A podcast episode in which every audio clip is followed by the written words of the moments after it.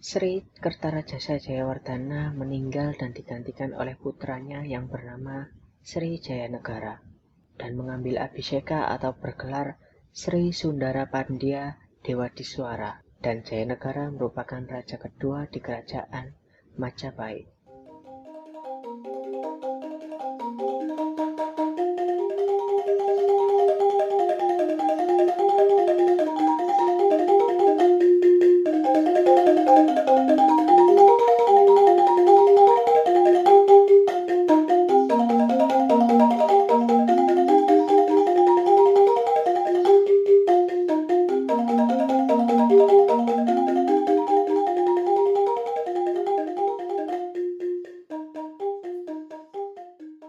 Selamat datang dan selamat mendengarkan di podcast yang membahas tentang sejarah dan budaya Jawa.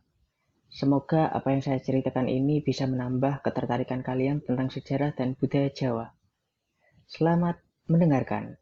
Dari awal kepemimpinan yang dipimpin oleh Jaya Negara, sudah banyak sekali pemberontakan dan kejadian besar yang menemani kepemimpinannya.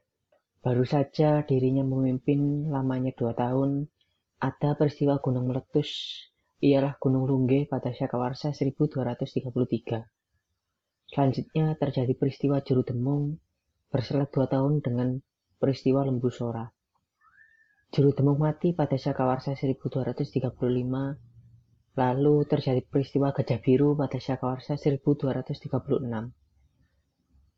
Selanjutnya terjadi peristiwa Mandono dan Jayanegara sendiri yang berangkat untuk melenyapkan dan menumpas orang-orang Mandono. Sesudah itu, ia pergi ke timur untuk membumi hanguskan Lamajang dan menjadikan Majapahit utuh menjadi satu kembali. Banyak dari para menteri-menteri pemberani semua sudah mati gugur di medan perang. Dan yang paling parah adalah pemberontakan dari salah satu Dharma Putra Rakuti, yang terbilang sukses dan berhasil hingga menguasai kota Raja Majapahit. Sri Negara sendiri hingga diselamatkan oleh pasukan Bayangkara yang waktu itu dipimpin oleh Gajah Mada dan dilarikan di desa Badender. Untunglah, tak lama pemberontakan Rakuti berhasil ditumpas dan sekarang kepemimpinan dipegang kembali oleh Sri Negara. Sri Negara adalah putra dari Raden Wijaya dengan Darapeta atau Sri Indareswari. Selain itu, Sri Negara pula memiliki dua adik lain ibu, yaitu dari Gayatri atau Raja Patni yaitu Tribuana Tunggadewi yang memegang tahta di Kauripan dan satu lagi Raja Dewi Maharaja Diahwiyat yang memegang kekuasaan di Daha.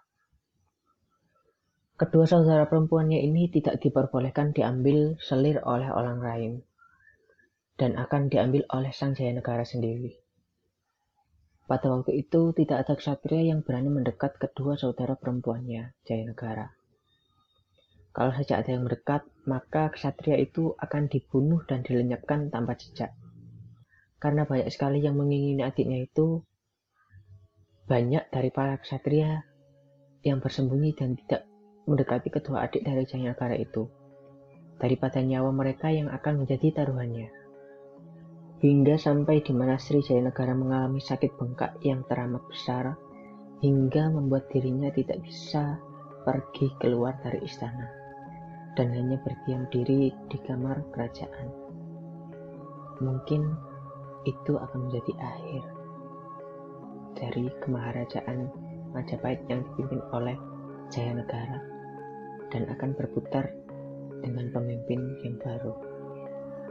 Mungkin itu saja yang bisa saya ceritakan. Kalau ada salah kata, mohon maaf sebesar-besarnya. Kalau ada kritik dan saran, silahkan dikirimkan ke email atau DM sosmedku yang sudah dicantumkan. Dukungan dan kritik maupun saran yang membangun dari kalian sangat membantu demi perkembangan konten ke depan. Sekian dan salam perputaran.